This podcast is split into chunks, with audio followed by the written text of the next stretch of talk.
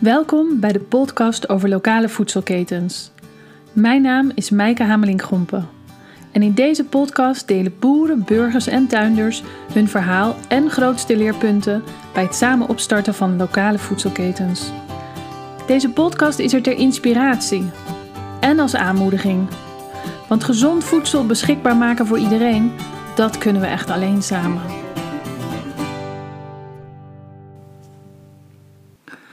We zijn aangekomen bij de laatste aflevering uh, in de reeks over pluktuin vers en vecht bij de Groene Griffioen. Uh, en deze laatste aflevering, de vijfde aflevering, gaat over de kosten, over het financiële plaatje. Hoe doe je dat nou? En ja, dat zou je best een gevoelig onderwerp kunnen noemen. Um, en ik ben heel benieuwd um, hoe het in elkaar zit. En daarom hebben we deze keer uh, naast Sanne en Boy ook Victor, onze penningmeester van de stichting, erbij. Victor, super fijn dat je er bent. En wil jij misschien Dankjewel. vertellen, um, hoe zijn jullie begonnen? Nou ja, we zijn eigenlijk begonnen, dat is natuurlijk in de vorige aflevering al een beetje naar voren gekomen. Dus dat is eigenlijk het moment geweest dat we vanaf herenboeren naar een pluktuin vers en vecht gingen. Ja. En toen ging het eigenlijk allemaal vrij snel. Uh, dus op een gegeven moment kwamen de tuinders, die werden erbij betrokken. Toen wisten we eigenlijk ook al vrij snel, we moeten naar een begroting werken. Nou, de inkomsten, dat was vrij overzichtelijk. Hè, want je hebt een aantal hoeveelheid deelnemers, die betalen een x bedrag. Maar wist je al wat voor je bedrag je dan ging vragen aan die deelnemers? Nee. Nee. Nee, nee want dat, uh, ja, het is gewoon, uh, je moet uh, de begroting rondkrijgen. Dus je verzamelt alle kosten. Um, en dan ja, weet je ongeveer wat je moet ophalen bij de oogstdeelnemers. maar ja, de kosten, dan moet je wel allemaal gaan uitzoeken. Dus, ja, hoe verzamel je die kosten? Nou ja, dus dat is met name eigenlijk met een groep kartrekkers zijn we daarmee begonnen. En met de tuinders. En de tuinders hebben toch echt best wel wat ervaring. Hè? Dus die weten gewoon, we hebben de netten nodig, we hebben de stokjes nodig, we hebben zaaigoed nodig, we hebben mes nodig. Nou, allemaal al van dat soort zaken. Nou vallen die kosten in principe allemaal wel mee. Uh, er zijn echt een aantal punten waaraan gedraaid kunt worden, of een aantal posten. Dus dat zijn echt de uren van de tuinders, um, het uurloon van de tuinders, het aantal deelnemers en ja, dus de hoogste van de deelnemers. Dat is echt de opbrengstenkant. En dat zijn eigenlijk de grootste knoppen. Dus dat is echt 70% van die hele begroting. En uh, we hebben met name, ja, wat er eigenlijk uitkwam, is dat het uurloon van de tuinders, daar hebben we echt een investering in moeten doen. Dus um, de tuinders gaan we gewoon aan. En we weten nog niet zo heel goed hoe deze kleigrond ja, het gaat doen. Hoeveel de opbrengst is. Ja. Dus we durven niet uh, ja, heel veel uh, oogstdeelnemers ja, aan te nemen voor het eerste seizoen. Dus die hebben we op 100 oogstdeelnemers, oogstdeelnames gedaan. Nou, dan, dat voelde een soort van veilig. Ja. Daarvan weten we zeker, die mensen kunnen we eten geven van stel dat de grond is klein, misschien is die hard, misschien... Um... Ja, valt de opbrengst tegen. Nou, we zaten lang op 80. 80? ja, pas op het laatste moment besloten we, oké, okay, we kunnen door naar 100. Dat gaat wel lukken. Ja. Nou ja, dus dat was dan... En, en we weten natuurlijk ook wel, kijk...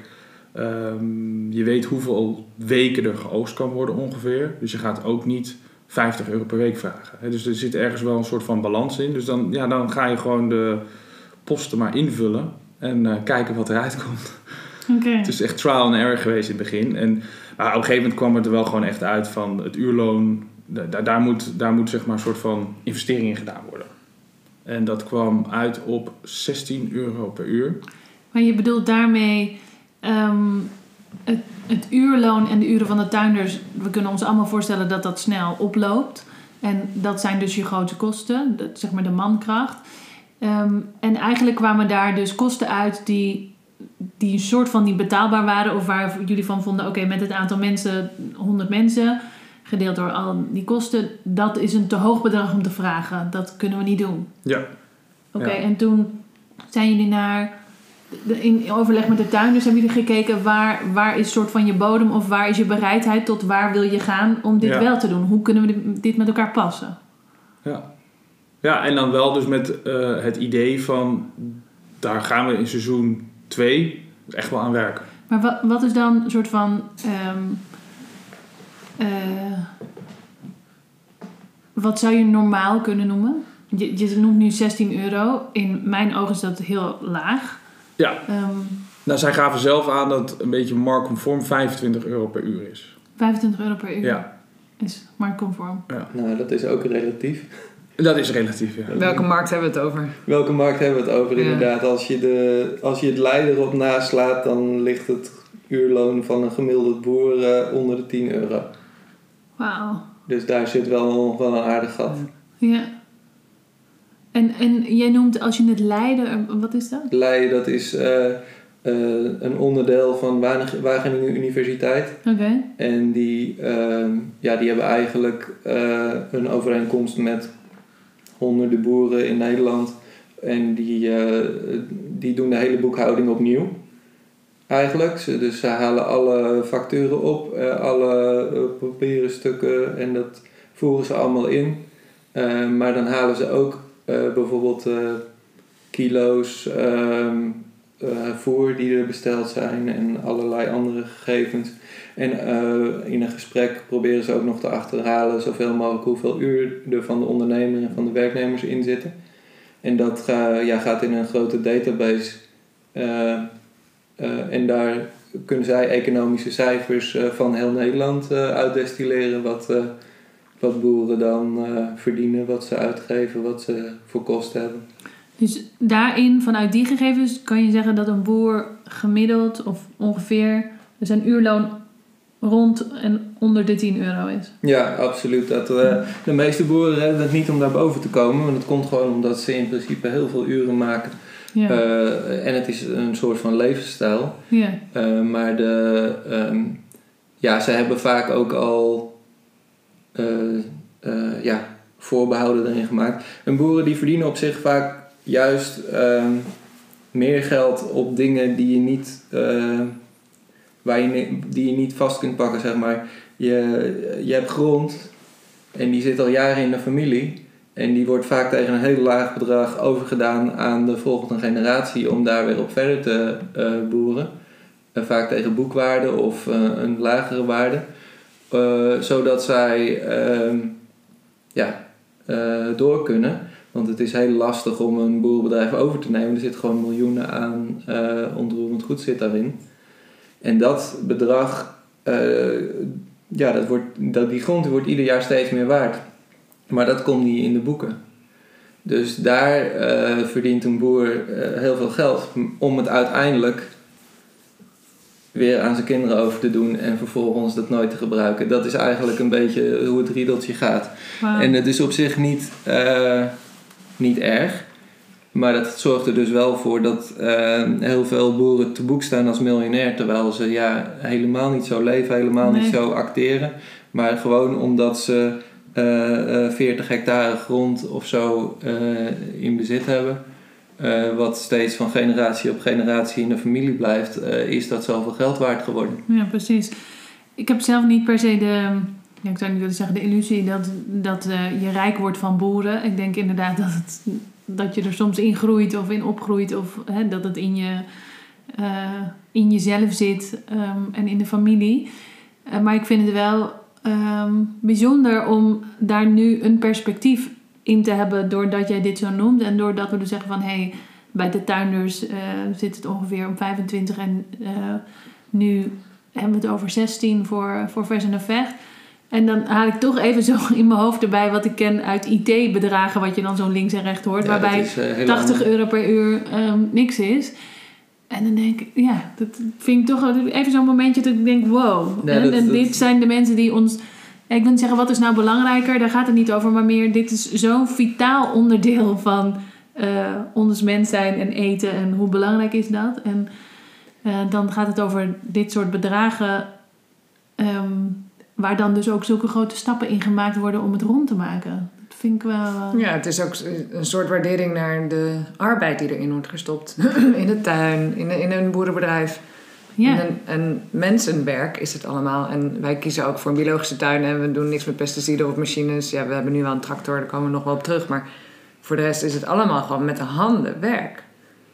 Maar de, Zoveel uren zitten erin. Om, om het heel even een, een kort zijspoortje te nemen, dat is natuurlijk ook de frustratie van de boeren op het moment. Er zijn heel veel protesten geweest. Dat is niet omdat boeren tegen verduurzaming zijn. Nee. De- zo komt het soms een beetje over volgens mij. Maar ze, zijn, ze hebben enorme problemen met eh, eh, het marktsysteem waar we met z'n allen als boeren in zitten. Nou, En we, we verkopen, ja, je kan zelf niet je prijs bepalen. Je hebt gewoon afnemers. En je, hebt, eh, ja, je kan dan uit een paar afnemers kiezen, maar dat zijn er niet zoveel. En die hebben, als het niet om een speciaal luxe product gaat, eh, hebben die daar gewoon een soort vaste prijs voor. ja. En dan kan je het wel doen of je kan het niet doen. En ehm, ja, eh, boeren die hebben bijna geen keuze om daar niet aan te leveren. En dit, daar zit geen enkele flexibiliteit in de prijs. En er is ook geen meerprijs eh, voor als jij eh, een beetje duurzame dingen doet. Als jij biologisch wordt, dan is er wel een, een meerprijs. Maar die markt die wordt een beetje dicht gehouden. Het is niet zo dat iedereen die biologisch wil worden, biologisch kan worden. Dat is nu ongeveer 3% van de markt in Nederland, dus dat is Ja. ook nog relatief weinig. En eh, ja, voor de rest ja, is, is, is dat het. En als je dan bij, jeze- bij jezelf denkt van nou, ik zou graag dit en dit en dit op mijn bedrijf willen doen, dan moet je de fondsen daarvoor of zelf ophoesten of op een andere manier binnen zien te krijgen. En ehm, als de regering dan allerlei extra regels gaat opleggen van nou, je moet hier een stukje extra duurzaam doen, daar een stukje extra duurzaam doen en daar een stukje extra duurzaam doen. Allemaal aan de boerenkant. Ja, Ja, maar er gebeurt verder niets in de markt ja. eh, en er is ook geen meerprijs voor te verzinnen, dan eh, ja, is die frustratie ook begrijpelijk, ja vind hoe ik. dan? En zeker waar vandaan? En zeker ook als je dit hoort, van, van welk geld of van welke reserve dan? Want Mhm. het heeft een heel fragiel... het- is in een bepaald evenwicht en ik ben oké met het zo te doen hè, als boer. In de zin van, dit vind ik oké.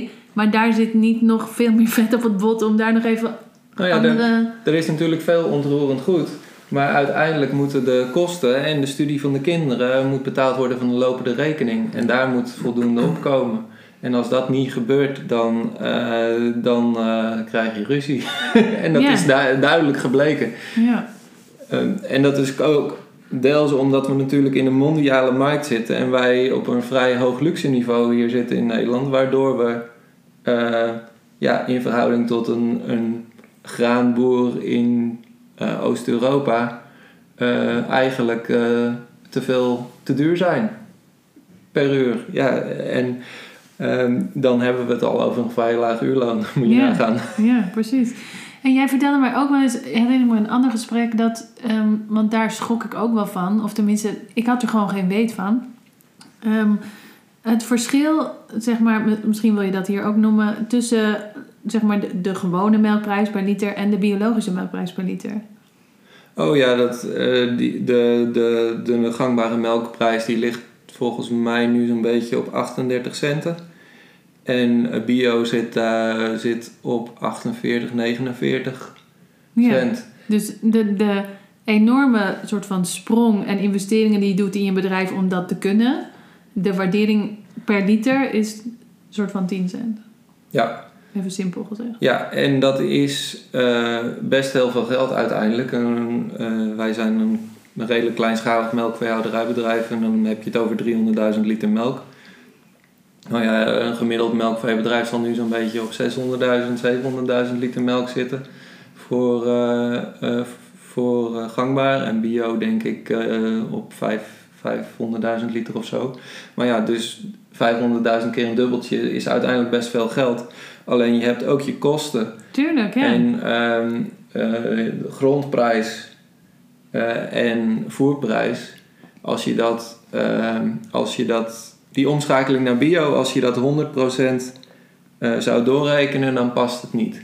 Dus als je zegt van oké, we gaan vandaag omschakelen, dus ik heb, moet er bij wijze van spreken 10 hectare grond bij kopen, dan moet ik rente en aflasting over betalen. En ik moet eh, biologisch voer inkopen aan een derde of vier, eh, een derde ja, hogere prijs minstens. ja. Ehm, ja, de, en je gaat dat rekensommetje maken, dan past het maar heel moeilijk. Eh, dus je bent eigenlijk als bioboer vaak afhankelijk van de grondpositie die je al hebt. of ehm, beheersgrond die je bij je bedrijf kan voegen. Dus eh, ehm, er is een natuurgebied wat gemaaid moet worden of begraasd. eh, of er is een, eh, zo hier aan de overkant is een projectontwikkelaar die wil gras gemaaid hebben. En wij als bioboer zijn we, hebben we een iets ander type koe wat meer geschikt is om wat grover gras te verwerken en wat minder luxe voer tot zich te nemen. En daardoor kun je ook met die beheersgronden uit de voeten. En dat is de reden waarom eh, het vaak wel gaat. Maar ook op heel veel plekken dat ze het uit laten rekenen van wij willen graag bio worden. Maar dat de, accountant zegt nou Ja, zet maar uit je hoofd, dat gaat hem niet worden. ja, En dat heeft inderdaad veel te maken met die grondpositie die er al bestaat. ja. Jeetje.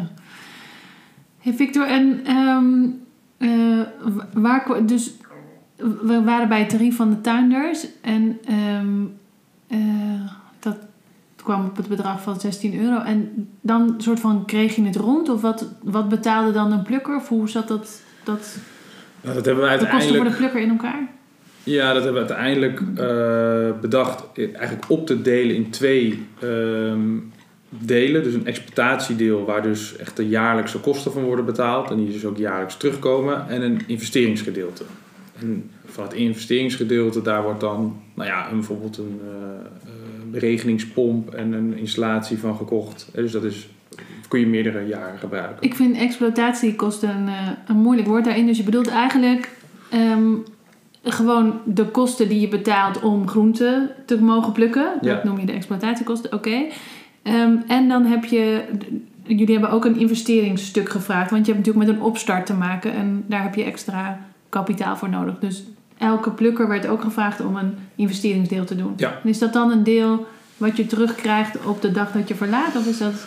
Nou, ze hebben het wel bedacht. Dus we hebben eigenlijk bedacht van als er een soort van wachtlijst gaat ontstaan en eh, ja, meerdere gezinnen willen uiteindelijk eh, aansluiten bij ons, dan, dan ja, neem je die dat investeringsgedeelte over van de vertrekkende plukker. Oh ja, die geef je door. Zeg Ja. maar. ja. Ja, met het idee van nou ja, zo'n beregeningspomp, ehm, die, die gaat een aantal jaar mee. Ehm, en als je dan de afschrijving van zo'n ja, eh, investering zeg maar, in je exploitatie opneemt, dan is dat een soort van duurzame continuïteit in Ja. de begroting. Zo hebben we het bedacht en en de bedragen kwamen uiteindelijk op 500 euro eh, voor de exploitatiegedeelte. Oh, sorry, 550 euro en 300 euro voor de investeringsgedeelte. Dus elk gezin, plukgezin wat meedoet, betaalde 300 euro investering aan, aan dat je wil dat het er komt. Ja, Eh, en 500 euro voor groente zelf plukken van het land voor één jaar. 550. Sorry, 550, 550. Ja. ja. Ja dat dus dat is waren het. 850 euro in een seizoen. ja. En dat is, ja, als je het gaat terugrekenen, 32 weken oogstweken, dat ligt er natuurlijk een beetje aan hoe, eh, ja, wanneer je start en wanneer je eindigt. Ja. Eh, maar dat is, dat is substantieel, dat is best wel veel. Ja, Ik kan niet zo snel rekenen, maar jij weet het bedrag misschien wel.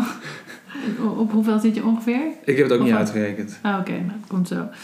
Ehm, eh, oké, dus per gezin.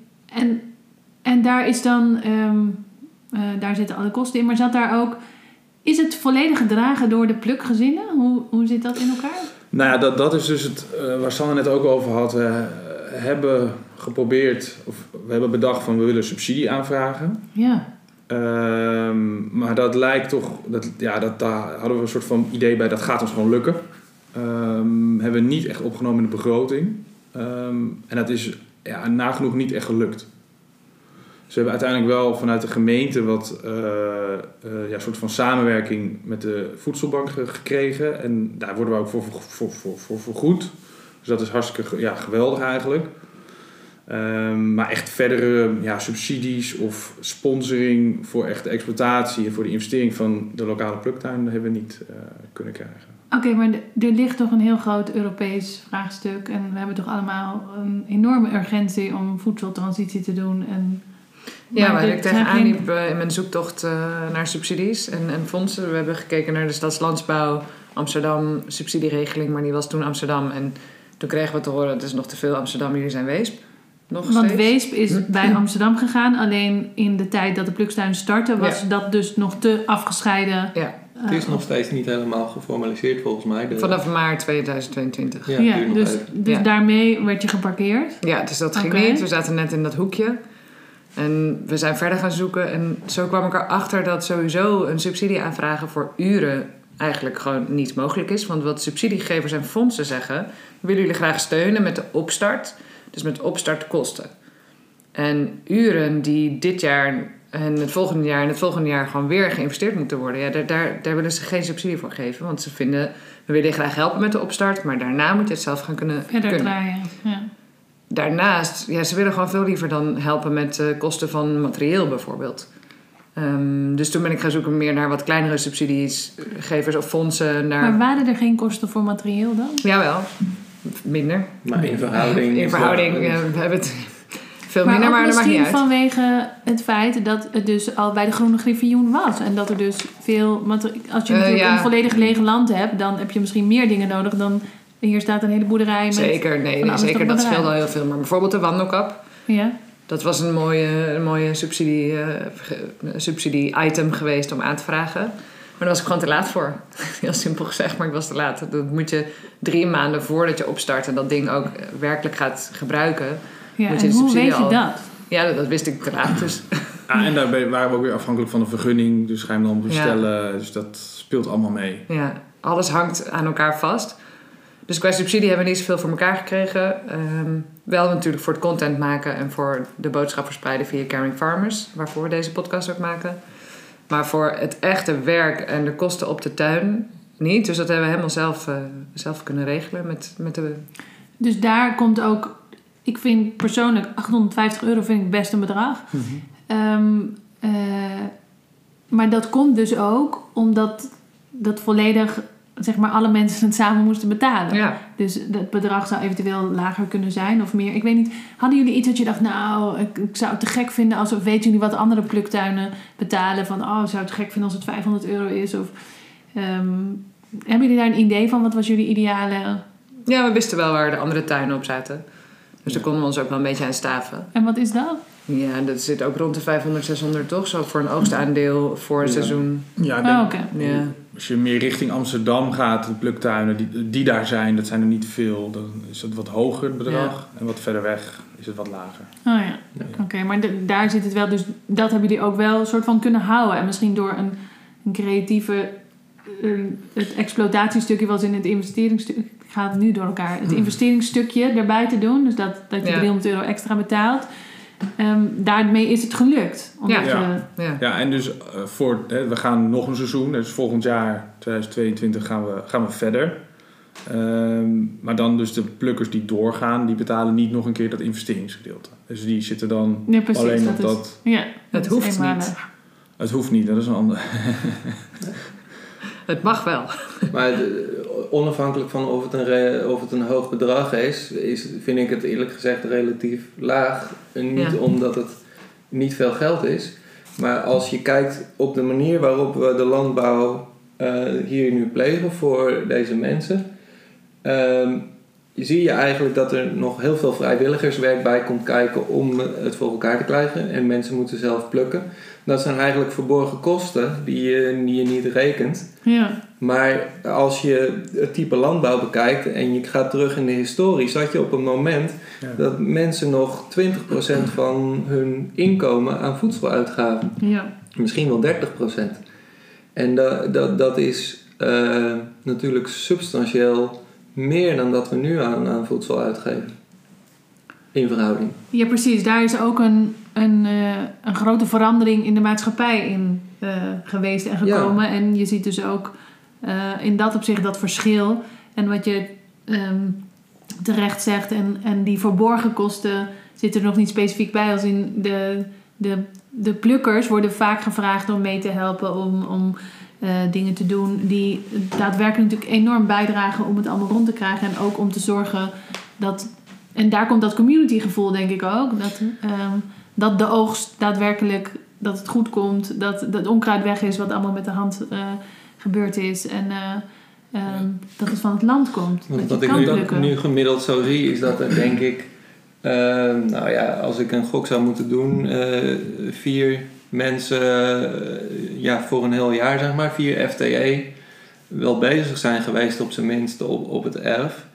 eh, voor 100 oogstaandelen. En die 100 oogstaandelen die vertegenwoordigen misschien een kwart tot de helft van het voedselpakket van de mensen die komen plukken. Dus dan, dan heb je het over 8 eh, procent van de bevolking die het voedsel produceert. En het is nu eh, eh, in de huidige maatschappij ligt het onder de 3 procent. Dus het aantal uren wat in dat voedselpakket gaat, het is substantieel hoger als je op deze manier werkt. Ja. En uren, dat hebben we net al besloten, zijn de duurste kostenpost op de begroting. Ja.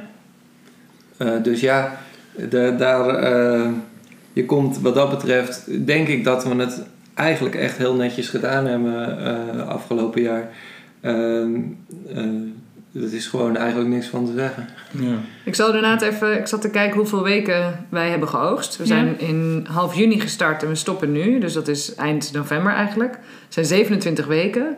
Dus 550 euro gedeeld door 27 weken is 20 euro per week. Wat je betaalt voor een groentepakket. Wat nu wellicht niet zoveel is. Maar dan heb ik het over deze week. Maar de afgelopen maanden was het zo'n groot pakket. Biologische groenten. Biologische groenten, dat, daar kun je niet voor kopen in de Ecoplaza. Wauw. Dus eigenlijk is het weer niet zo duur. Nee. En dan nee, het is een bedrag op zich. Ja, Maar als je het omslaat, en, en dit is al hoe het echt was. Want eh, eh, zeg maar, we hebben daadwerkelijk, of er zijn daadwerkelijk 27 weken geoogst. We hadden het net al van een inschatting van 32. Dus Ja. dan gaat het nog weer een tandje lager los. Want het gaat niet heel specifiek over die euro's. Maar het is wel interessant om een idee te krijgen bij eh, wat betekent dat dan. En als je het dus dan zo omslaat, dan heb je dus over 20 euro per week voor een heel groot biologisch. Groentepakket, Ja, ja. groentepakket. Ehm, ja, wat je in de biologische supermarkt niet lukt op die manier. nee, en bij een biologische supermarkt krijg je ook geen leuke tuinles van de tuinders erbij of kruiden. Of ehm, leer je geen andere mensen kennen. Eh, nou ja, ik kan nog wel heel veel dingen toevoegen die je er nog meer bij krijgt. Tuurlijk, maar we hebben nu inderdaad over kosten. Ja. Nou ja, dat, dat staat daar. ehm, ik zou niet willen zeggen dat het er los van staat, maar dat zijn dus ook die verborgen dingen. Als Ja. je nu puur naar de cijfertjes kijkt, Ja. ehm, dan denk ik dat het super mooi is.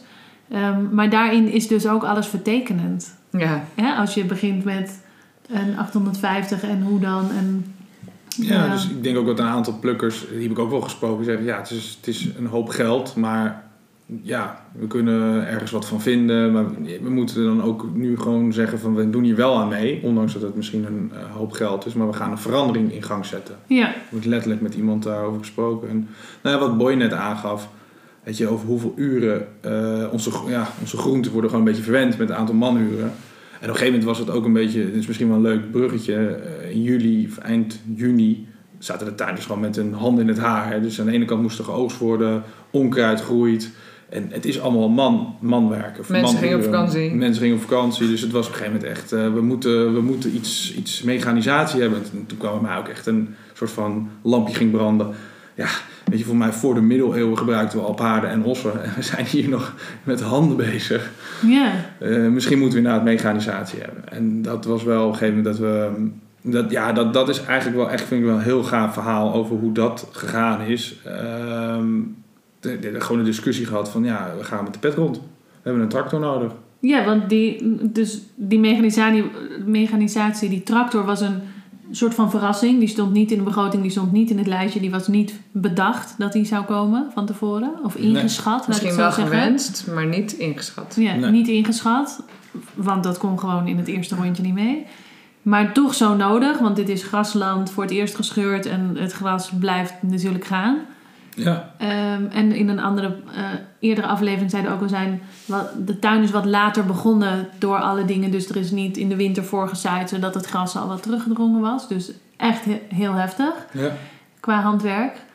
En toen moest er een tractor komen en ehm, toen Ja. zijn die met de pet rondgegaan. Ja, dus dat was nog wel een discussie van, eh, nou ja, moet je dan rente gaan vergoeden? Ik zei ja, maar hoe hoog? Ehm, ja, en hoeveel mensen ga je vragen? Wil je Wat iedereen... durf je te vragen Ja, wat durf je te vragen? Ja. Wil je iedereen een mogelijkheid bieden? Dus begin je met 100 euro of ga je gelijk wat grotere bedragen? Want kijk, eh, Wat kost een tractor? Waar hebben we het over? ja, dus dat, dat was eh, ergens in een bandbreedte van 5.000, 6.000 euro voor een, nou ja, een, een mooie tweede, derdehands. Ehm, en- maar dan nog met een aantal aantal ja, voorzieningen erbij, als een maaier, een ploeg. Machines eh, ja, erbij. attributen, hoe je het Ja. wil noemen. Eh, dus dan kom je toch wel ehm, eh, snel op, op een bedrag van 10.000 euro. Oké. Dus dat hadden we ehm, nou ja, in ons hoofd. Ehm, maar ja, ga je dan, heb je dan 10 mensen nodig, heb je dan 20 mensen nodig? Kijk, we zijn allemaal vrijwilligers, dus ook, we hebben geen administratiesysteem. Dus elk jaar ja, eh, 30, 40 mensen uitbetalen, rente en aflossing. Dat, was, ja, ik, ik- dat is dan mijn verantwoordelijkheid. Dus ik zag de bijl hangen. Ja, Maar ja, nou- extra werk. Ja, maar aan de andere kant, om iemand 1000 euro te vragen, was ook wel weer een soort van stap van, nou ja, je Ja, moet er maar hebben liggen. Ja. Ja. En ehm, nou, toch besloten om dat toch in eerste instantie voor een klein besloten groepje te gaan doen. Wel aan iedereen te vragen uiteraard eh, van de plukkers. En ik denk dat het binnen een week rond was. 1000 euro per persoon. Dus er waren gewoon mensen die duizend euro liggen. We hadden het al even over, ja, op de bank hoef je het niet te zetten. Heb je Nee. niks aan. En Ja, precies. die zeggen van, nou, ik ga maar duizend euro lenen aan vers en vecht, want... Ja, met en een vergoede kleine rente, volgens mij 2 of 3 procent, ik weet het eigenlijk niet eens, maar uit mijn hoofd. eh, via een annuïteitsconstructie is dat dan. Dus dat is één bedrag met de rente en aflossing en dan een looptijd van vijf jaar. En dat bedrag komt in de begroting. Ehm, en dan hebben we de tractor gefinancierd. Dus dat is eigenlijk heel snel gegaan. Nou, en dat nog eh, bij dit succesverhaal is dan toch de samenwerking tussen de Groene Griffioen en ons. Want Boy die heeft ook tractoren en die heeft ook een leverancier. En die zegt, nou ja, mijn leverancier die, eh, dat is gewoon eh, een hartstikke goeie. Daar kan je ga, ga daar eens kijken. Ja. Ja, precies. Ja, en er zijn ook dingen die, we, ja, die wij wel even kunnen doen met onze tractoren. Maar voor veel van de werkzaamheden was die, is onze tractor gewoon het, totaal niet geschikt. Veel te groot en niet op de juiste breedte. Ja. Eh, dus ja, en we hebben ook niet de, de goede machines om dat eh, te doen. Dus het, het was heel logisch om voor vers en de vecht om daar zelf eh, een tractor aan te schaffen. En ja, ook de alternatieven zijn nog niet beschikbaar genoeg als je zegt van nou ja, we willen een modern systeem met elektra, elektrisch en eh, gerobotiseerd bij wijze van spreken. Dat bestaat allemaal wel al, maar dat, dan heb je het over zulke bedragen. Dat is ook voor een CSA niet op te brengen. Nee. Eh, de- dus ja, eh, de, de toekomst zal dat wel gaan brengen, verwacht ik. Dat we, ja, dat we hier ook gewoon eh, op een wat kleinschaligere manier ook met elektronische apparatuur kunnen gaan werken zonder eh, al te hoge investeringen. Maar dat zat er nu gewoon nog niet in. Oké. Dus toen kwam de Hulk daar. Hij heeft ook een naam gekregen, Ja. toch? Ja, hij moet een naam hebben. Eigenlijk moet hij ook ogen hebben, vind ik. Hij is groen. Hij is groen, ja precies, de Hulk. En ik begreep ook dat, ehm, eh, het is dus jouw leverancier, maar dat, mm, ja, ik weet niet hoeveel verstand eh, de tuinders hebben van een tractor, maar dat jouw vader ook nog daar eh, wat advies in heeft gegeven. En als in, ja, een, een auto, nou, misschien weten we dat nog allemaal net, maar dan moet je een tractor, waar moet je dan aan voldoen? En dus dat is ook gewoon een hele fijne manier Ja, geweest. hij om is toen er mee geweest. Die, heeft, die vindt het altijd leuk om eh, het over tractoren te hebben.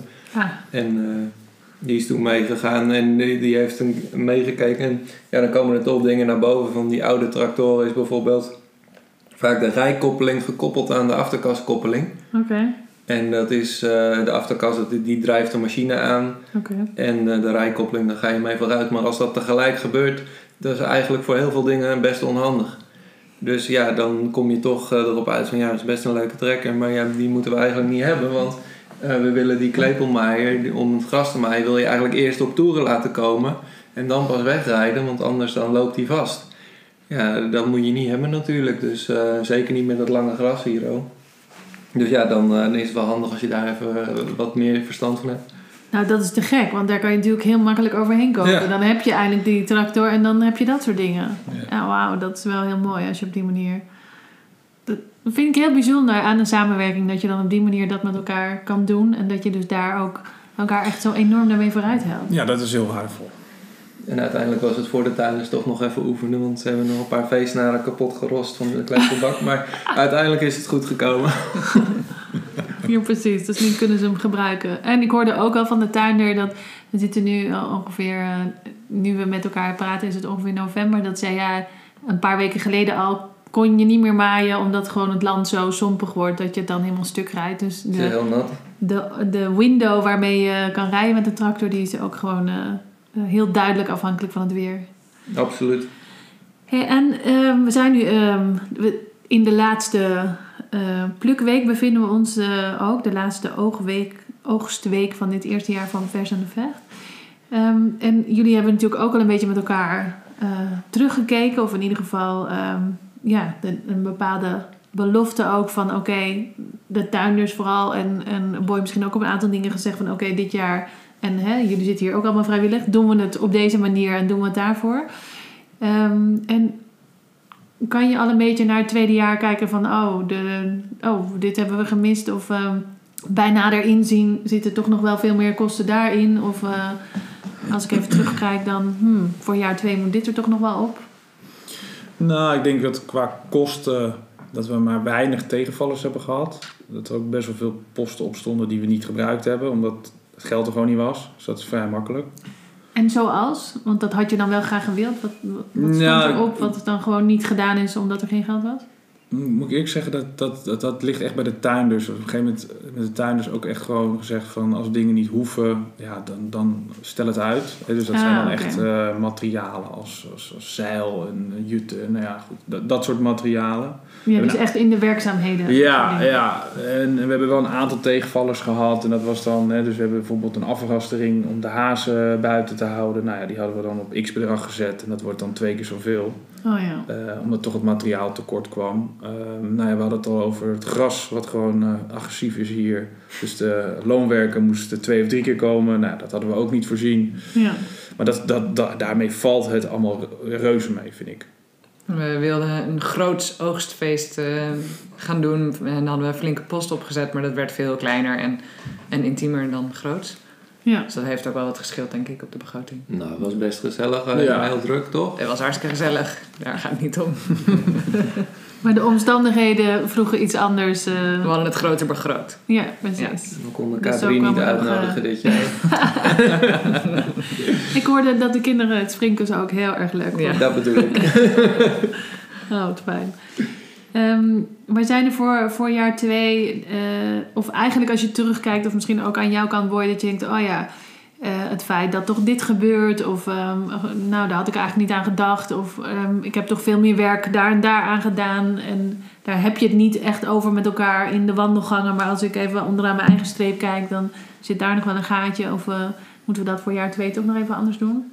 Nou ja, we hebben een aantal dingen. Die, we hebben zelf ook zitten rekenen. En uiteindelijk ehm, zou een deel van ons verdienmodel natuurlijk moeten komen van nou ja, dat mensen die komen plukken ook in de winkel komen. Ja, En dat is op zich eh, wel een deel van uitgekomen hoor. Eh, eh, dus daar hebben we wel een stuk van de verdiensten uit. Alleen er is op het erf zijn er ook allemaal dingen neergezet en gebouwd. En die vierkante meters, als je daar een, als je daar een normale prijs voor rekent, dan, eh, ja, dan kom je daar niet mee uit. Dat is eigenlijk kost, zou dat meer moeten kosten. Eh, en ja, wij, eh, wij hebben een paar zakelijke mensen die met ons meekijken en die zeggen: Ja, dit kan je niet doen. Dat, dat past gewoon niet op jullie begroting als jullie cadeautjes gaan weggeven. ja precies. Dat, dat moeten jullie niet doen, want dat, Let even op jezelf. ja, let daarop. En als wij dan zelf, ja, wij hebben dan de, eh, de tuinders eh, betalen we via onszelf, omdat wij die grond moeten exploiteren voor de pacht. Maar wij Precies, dat is de ook. constructie. Jullie pachten de grond en daarvan moeten ju- jullie ook de tuinders betalen. Juist. Dat gaat via vers en vecht, maar technisch is dat zo belangrijk en dat is dan een systeemdingetje. Ja. Ehm, en dan eh, ja, zien wij van, nou, daar zijn onderhandelingen gaande om de tuinders eh 22,5 euro bij wijze van spreken te betalen, of 20 of 25, maar in ieder geval een hoger bedrag dan dat ze eh, tot nu toe gekregen hebben. En dan ga je je eigen rekensommetje maken en dan eh, kom je voor de winkel onder de 20 uit en voor de boerderij onder de 10. En dan denk je van ja, misschien moeten we ook maar iets meer gaan vragen, want dit klopt gewoon niet. Ja, moeten we ook aangeven dat. Ja, dus niet zozeer dat we, dat we zielig zijn, maar we, we hebben wel zoiets van, nou ja, dan moeten we toch aangeven, ook bij de mensen van, nou ja, dat we wel wat kosten moeten gaan rekenen voor de plek die wordt gebruikt op het erf ja. en eh, de faciliteiten. Ja, want ehm, dat is heel nieuw voor mij. Ik heb er met name gewoon geen idee van. En dat zullen meer mensen met mij hebben, denk ik. Dus ik stel gewoon die vragen. Ehm, eh, een boerenerf kan je misschien voorstellen met wat schuren en eh, ook wat ja, ruimte om te rijden met de tractor. En, ehm, maar als je daar een wandelkap neerzet, of als daar, nou de tractor, die staat natuurlijk ook hier op jullie erf. En Mhm. dus het erf is ook eh, in vierkante meters, net zoals de grond. Daar zit een bepaalde waarde aan of een bepaalde vergoeding. Die moet dat wel omslaan. Ja, nou ja, om een voorbeeld te geven, wij hebben eh, een stuk erf opgeknapt. eh, eh, dat, er, dat er verhard is en goed begaanbaar. Is wel niet specifiek eh, voor de tuin geweest, maar dat eh, is ook voor onszelf natuurlijk heel prettig. Eh, maar daar komt wel een factuur van 60.000 euro voor binnen. En ja, dat is fijn als je dat een beetje kunt delen, want het zijn natuurlijk hartstikke hoge kosten. En voor de tuinders is het ook prettig als ze eh verhard naar hun kas kunnen. Ja, precies. Ja, Iedereen lopen. heeft daar profijt van. Iedereen heeft er Ja. profijt van en als we daar, daar de kosten een beetje in kunnen delen, is dat heel prettig. Ja. En de, ja, de, de grondprijs op het erf waar het huis staat, waar gebouwen mogen staan, nou ja, kun je je voorstellen, die is iets hoger als eh, agrarische grond. Eh, dus ja, dan kun, de, de pacht voor de tuin zelf is vrij laag. En daar zijn we ook mee begonnen. We hebben gezegd, nou, dit is het stuk tuin, dit betalen wij, dit betalen jullie. Eh, dus dat, dat is ehm, in de orde van eh, 900 euro per jaar. En de kosten die erbij komen kijken voor het hek en eh, elektriciteit en water en zo. Alleen de, ja, nu hebben we een jaar gedraaid en nu gaan we, ja, kijken we eigenlijk terug van, nou ja, wat is Tuurlijk. er allemaal gebeurd? Ja, exact. Wat is er allemaal over ons heen gekomen? Ja, En eh, ja, dat hebben we ook even op een rijtje gezet. ja, En dat, eh, nou ja, dat blijkt dat dat ook eh, geld kost. precies. Dat daar, nog, daar is het evenwicht nog niet helemaal in gevonden. Wat natuurlijk ook helemaal niet vreemd is. Want je begint met elkaar en het is pionieren. Dus het is allemaal zien wat er eh, in dat opzicht op je, op je pad komt. Maar betekent dat... dat ehm, hoe ziet het voor jaar 2 eruit? Zeg maar het oogstaandeel, om even te spreken, voor die 20 euro in een week of die 500 euro, 550 euro per jaar. Gaat die omhoog of hoe, hoe Nou, kijk, dat dus, we, we, we hebben geëvalueerd. Eh, nou, een van die onderdelen is dat de kosten omhoog gaan. Of het lijkt omhoog te gaan, omdat we zeggen van nou, we willen de tuinders meer gaan betalen. Eh, Groene Review zegt, eh, dus, er wordt meer gebruik gemaakt van het erf. Dus dat, dat is één. Eh, en aan de andere kant eh, zijn we ook eigenlijk achtergekomen dat de oogst van het land gewoon hartstikke goed is. Dus die 100 oogstaandelen, nou, die, die, die konden we wel, kunnen we oprekken. Ja, Dus er zijn ook een aantal gedeeltes van de pluktuin die gebruiken we nog helemaal niet. nee. Dus de tuinders hebben ook nu wel aangegeven van nou, we zien dat we iets kunnen gaan groeien. Er kunnen eh, meer mensen bij om te komen plukken, zeg maar, meer ja, gezinnen. Ja. en wat we dan in de gaten moeten houden is dat eh, de, het aantal uur dat zij zeg maar werken, dat dat ja, het liefst natuurlijk gelijk blijft. En Ja. dat, dus we hadden het natuurlijk net over de tractor. Ehm, ja, met zo'n tractor kunnen zij efficiënter gaan werken. Voor mij heeft eh, een van de tuinders, Michel, als aangegeven van joh, met dit bed, als we dat leeg gaan ruimen, zijn we echt wel een hele ochtend bezig met z'n tweeën. Met een tractor, nou die moet ik even halen. 10 minuutjes heen, 10 minuutjes terug en dan een kwartiertje of nog niet eens. Hup eroverheen en het is klaar. Dus zij kunnen gaan efficiënter werken. Ehm, dus wij willen nu eh, gaan groeien naar 150 oogstdeelnemers. Dus Ja. dat is 50% meer. Ja, Met hetzelfde aantal uren dus dat geeft direct ruimte. wat meer ruimte. Ja. ja. Ja, en, maar dat is de puzzel. Dus Ja. de kosten Ja. gaan iets omhoog en de opbrengsten gaan omhoog. En Ja. eh, daar, moet een balans in gevonden worden. Oké, Ja. maar daarin lijkt het er dus nu op dat, dat die 550 euro voor een soort van wat je betaalt aan groente, dat die Nou. daarin gehandhaafd. En niet dat dat een must is, hè, maar ik probeer gewoon meer te zoeken van hoe Kijk, levelt het of wat denk je. Wat we hebben gedaan, is we, kijk, voor ons is het heel belangrijk dat het ja, toegankelijk is voor, nou ja, ook de normale mensen, zou ik maar zeggen. Hè. Dus we hadden het net over een rondje met de pet om 1000 euro. Niet iedereen zal dat kunnen betalen, maar wij willen ja, voor iedereen er zijn. Voor elke weesper, muider, eh, inwoner. Ja. En als wij natuurlijk ehm, ja, eh, gaan, gaan stijgen in die exploitatieprijs, de oogstdeelnameprijs, eh, dan, dan, dan is dat op een gegeven moment voor mensen gewoon niet meer bereikbaar. Dus daar hebben we ook wel een aantal plukkers gewoon een avond ge- georganiseerd, deze begroting gewoon gedeeld en gezegd, ja, dit is waar we mee stoeien. Ja, En we hebben een uurloon, die willen we omhoog. Nou, daar hebben we ook wel gewoon echt feedback van gekregen dat iedereen vindt dat dat omhoog mag. ja, Ehm, maar ja, dan, dan moet dat natuurlijk wel in verhouding zijn dat het niet ineens heel hard stijgt. Maar het lijkt er wel op dat we iets omhoog gaan. Dus dat dat meer naar de 600 euro gaat. oké. Ja. Ja. En dat hebben we voorgelegd. En dat, dat, was ook wel eigenlijk heel erg leuk om dat te doen aan een aantal plukkers. Want die kwamen ook wel hele goede ideeën. Die hadden ook op een gegeven moment ook het idee van... Nou ja, ik, eh, ik, ik, mijn investeringsgedeelte... dat eh, hoef ik misschien wel helemaal niet meer terug. Dat is van gift. Misschien willen wel meer mensen dat doen. Oh wauw, dat kwam zo naar boven in Ja. het gesprek. En doordat je dus de mensen met wie je het doet... betrok bij, jongens, dit is onze puzzel. Ja, en dan is het zo van, moet je dat gewoon niet vragen aan de mensen die weggaan. Ik bedoel, het hoeft niet, maar Ja. je kunt het achterlaten bij ons. Van dan steun je ons en eh, steun je Ja. nou ja, de, de continuïteit. En dat vond ik wel heel mooi om te horen. En dat idee hebben we vervolgens weer in een enquête gezet. En dat gaan we evalueren. En dan Ja. gaan we het gewoon voorleggen. Ja. Dus daar is in de basis positief op gereageerd. Dat eigenlijk, ja, je hebt dat geïnvesteerd, maar je bent ook met elkaar een jaar onderweg. En je hebt zo'n warm hart waarschijnlijk voor de mensen met wie je het gedaan hebt of die, die het voor je doen en waar je geholpen hebt. Dat je denkt, ja, nou ja, ik, ik wist eigenlijk niet meer dat ik hem had. Hm, kan ik hem daar laten? Zoiets. Ja, Wauw, bijzonder. Er zijn natuurlijk nog wel meer knoppen waar je aan kunt draaien. Eh, uiteindelijk als je wat minder kritisch bent, of minder kritisch, als je zegt van eh, ja, ik hoef niet zoveel verschillende soorten groenten, het gaat me om de hoeveelheden. Eh, ik kan wel wat bewaren, of ik maak het wel in, of ik stop het in de vriezer, bij wijze van spreken.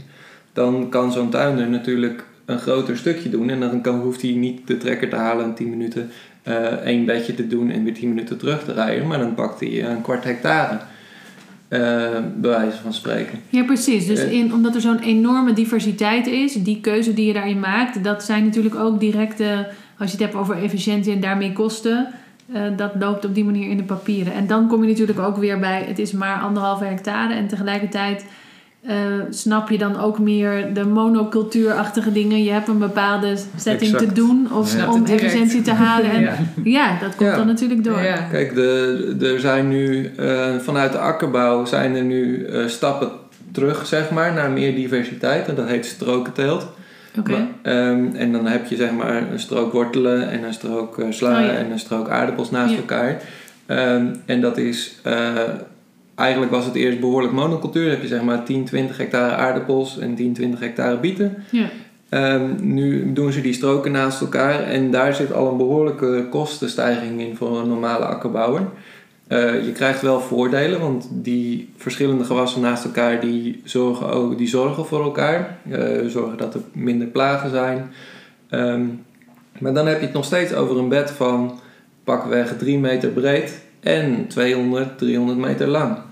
Eh, die je in één keer kan bewerken. En dan liggen er van die type groenten liggen er ook zes of acht stroken op het totale Ja. perceel. Ja. Dus heb je uiteindelijk eh, nog best een oppervlakte die je in één keer kan bewerken. Hier, hebben we bedjes van 1,20 breed en 50 meter lang. Ja. Of misschien niet eens 50 meter, nou iets in die richting.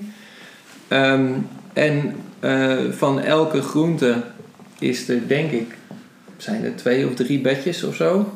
In verschillende groeistadia. Ja.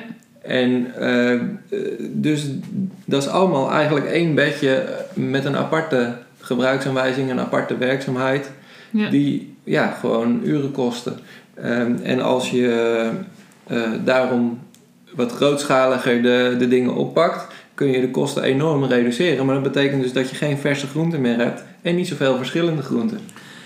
En natuurlijk, als je kijkt naar dat hele systeem, want ik vind het mooi dat je dat zo zegt, van dan heb je een bepaalde ehm, efficiëntie en effectiviteit. Maar als je het hebt natuurlijk over de grond en over ehm, hoe het daarmee is en wat je daaraan toevoegt, dat is natuurlijk weer een heel ander verhaal. Dus dat, dat is natuurlijk ook wat hier op de tuin is. En omdat het zo anders is als in anderhalve hectare met 100 gezinnen, zometeen 150 gezinnen, dat dat een heel ander plaatje is. Je kan het bijna niet meer vergelijken natuurlijk met wat je met een groot land wel of niet doet. Ook al zet je daar banen op, het is zo'n ander verhaal. Ehm, en inderdaad kan je natuurlijk kiezen met elkaar van waar zit die balans. En dat is misschien ook interessant om uit te vinden van eh, inderdaad misschien iets minder soorten, want dan gaat het toch makkelijker. En, waar is die balans van behapbaar en, en wat willen we? Of wat vinden we lekker? Ehm, eh, maar het is natuurlijk, ja, je kan het gewoon ook niet vergelijken. Dus een, een lokale voedselketen op die manier en op deze schaal is gewoon niet te, om te slaan naar zoiets groots of naar echt productiewerk. Je kan dit misschien al bijna niet meer eens productiewerk noemen als je Nee, het gewoon echt over boerenland en hectare hebt. Nee, maar je Ja. wordt er ongewild eh, op prijs wel mee vergeleken. Ja. Ja. Deels. Want als... eh, ja, ik zeg ook, oh, 20 euro per week Ja. of dit. Wat, Je wordt er ja, toch mee dat? Ja, Ja. dus eh, je kan wel zeggen, nee, het is echt iets totaal iets anders. Maar uiteindelijk eh, Tussen de oren. word je, denkt men toch van, nou, heb ik hier nou 50 euro voor betaald op een gegeven moment? Ja, dat is dan, Ja. dan, dan is het toch ineens veel. Ja. En dat snap ik helemaal. Dus Ja. daar, eh, daar zoek je de tussenweg in. En dan eh, denk ik dat bijvoorbeeld de concessie eh, tractor die we gedaan hebben, dat dat eh, een hele nuttige zal zijn. En ik denk dat daardoor de tuinders ook die diversiteit wat meer kunnen behouden. Ja. en toch hun werk rond kunnen krijgen. En ook niet zozeer afhankelijk zijn dat er iedere keer vijf of tien vrijwilligers staan te trappelen. Want ja, als het slecht weer is, dan is die bereidheid soms ook wat minder. Ja. Ja, dat is gewoon zo.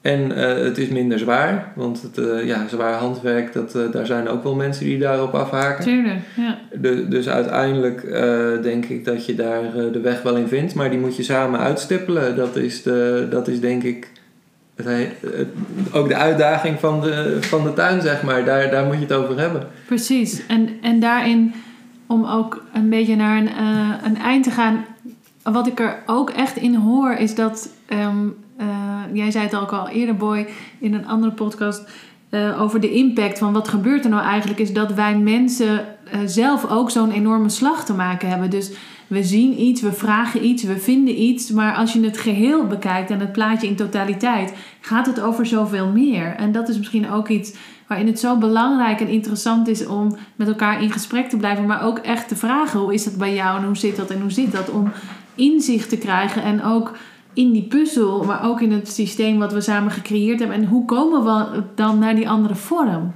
Dat is echt toch nog niet zo makkelijk. Nee. Of daar hebben we echt nog andere dingen voor te bewandelen om te zorgen dat dat in het centrale systeem met elkaar weer gewoon gezond, echt gezond wordt. Maar ik denk dat dat heel belangrijk is, want ik denk dat alle mensen die hier eh oogstdeelnemer zijn, die snappen veel beter hoe een, een landbouwbedrijf in elkaar zit. En die zullen eh, de discussie die gaande is in de politiek ook veel anders duiden. Ja, En daardoor denk ik dat het, eh, dat het zeg maar de, de, de inspanning al dubbel en dwars waard is. Want we hebben nu eh, honderd gezinnen van mensen die snappen hoe een landbouwbedrijf werkt. En ook hoe, hoe, hoe dat financiële plaatje eruit ziet. ja. nou ja, dat, dat, is, dat is onbetaalbaar. Ja. En daar is deze openheid natuurlijk ook een onderdeel van. Ik krijg er zelf kippenvel van. Ehm, dat het feit dat je dit met elkaar deelt, maar ook dat je dus van elkaar weet, maakt dat je er anders naar kan kijken. En dat mensen op een avond van oké, dit is onze puzzel, hoe gaan we dit in godsnaam doen? Zeggen van oh ja, misschien hoef ik dat investeringsdeel niet terug. Dus door het open te gooien en te zeggen hoe het zit, kan de oplossing opeens uit een hele andere hoek komen dan je zelf zou durven vragen, had Ja. kunnen verwachten. Dus volgens mij is wel ook mijn conclusie of, om, om het eh, samen te brengen, ook daarin dat het echt. ehm, ja, voor, ik heb zelf eh, een quote daarover dat samen doen is het nieuwe afwachten. En volgens mij is dat ook. Hebben we het samen te doen? En Mhm. Dat vind ik wel heel bijzonder hoe dat hier elke keer weer naar boven komt. En hoe iedereen elkaar met zo, als zo'n gevoelig onderwerp als kosten. Dat je, dat je het toch aangaat met elkaar. Dat je het toch gaat zeggen. En dat iedereen ook voor elkaar wil zorgen. Want niemand wil natuurlijk dat iemand anders niet kan eten. We hebben het echt met elkaar te doen. Maar waar, waar ik nog wel een soort van oproepje wil doen, en ik denk dat er best wel eh, misschien wel plukkers zijn die erin geïnteresseerd zijn, is om. Er zullen vast slimme eh, programmeurs en, en bouwers tussen zitten die oplossingen kunnen verzinnen om het werk voor de tuinders lichter te maken door slimme mechanisatie. Misschien eh, kan het een handattribuut zijn, maar misschien ook een drone-achtige machine. Oh, mooi. En als mensen daarover over na gaan denken, kunnen we ook een andere ontwikkeling op gang brengen die de hele CSA-community in Nederland weer gaat helpen. Dus misschien dat daar eh, wat mensen over na kunnen gaan denken, dat we op die manier straks de kosten kunnen gaan reduceren. Ja. En het is weer- waarschijnlijk ook een heel ander type mens dan mensen die eh, onkruid gaan bieden. En als die op die manier eh, nuttig bij kunnen dragen aan, deze, aan dit project, denk ik dat we daar eh, ook verbeterd van worden. Oh, super mooi. Wat een goed idee. En nog als laatste vanuit Vers en Vecht dat inderdaad als er interesse is in onze begroting, dan eh, willen we die best delen. Ja. Nou, dat vind ik ook wel heel mooi. Dat als je dus ehm, het werk wat Vers aan de Vecht heeft gedaan, dat kan je dus horen hier in de podcast. Maar als je dus op het gebied van het financiële plaatje en de begroting daar de blauwdruk van Vers en Vecht eh, wil gebruiken om zelf iets te starten. Want dat is natuurlijk ook waarom deze podcast is. Om je aan te moedigen om zelf te gaan doen en om samen te gaan doen, met name in de voedseltransitie. Ehm, want ja, gezond voedsel voor iedereen, dat kunnen we echt alleen samen. Dat is toch wel waar we het allemaal over eens zijn. Ja. Dankjewel jongens. Heel bijzonder.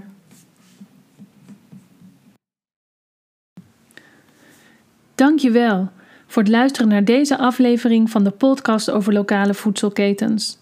We hopen dat deze aflevering interessant voor je was. Als je je abonneert op deze podcast, dan ontvang je bij elke nieuw gepubliceerde aflevering automatisch een berichtje. Klik in je podcast-app op de button subscribe of abonneren en dan is het geregeld.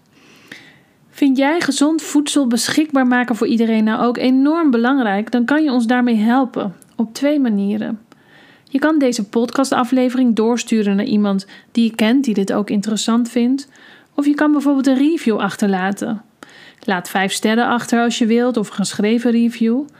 En op die manier kan deze podcast nog meer boeren, burgers en tuinders bereiken. En zo organiseren we samen dus in no time overal lokale voedselketens. Dank je wel voor je bijdrage daaraan. Heeft deze aflevering je nou een inzicht gegeven of is er iets in beweging gebracht? Maar misschien wil je wel iets delen of heb je een vraag voor ons? Dan vinden we het heel leuk om van je te horen. Je kan een e-mail sturen naar info@degroenegriffioen.nl of info@versaandevecht.nl. Een berichtje achterlaten via Instagram, dat kan ook. Het account is @degroenegriffioen of @versaandevecht. Nogmaals, dank je wel voor het luisteren en heel graag tot een volgende aflevering.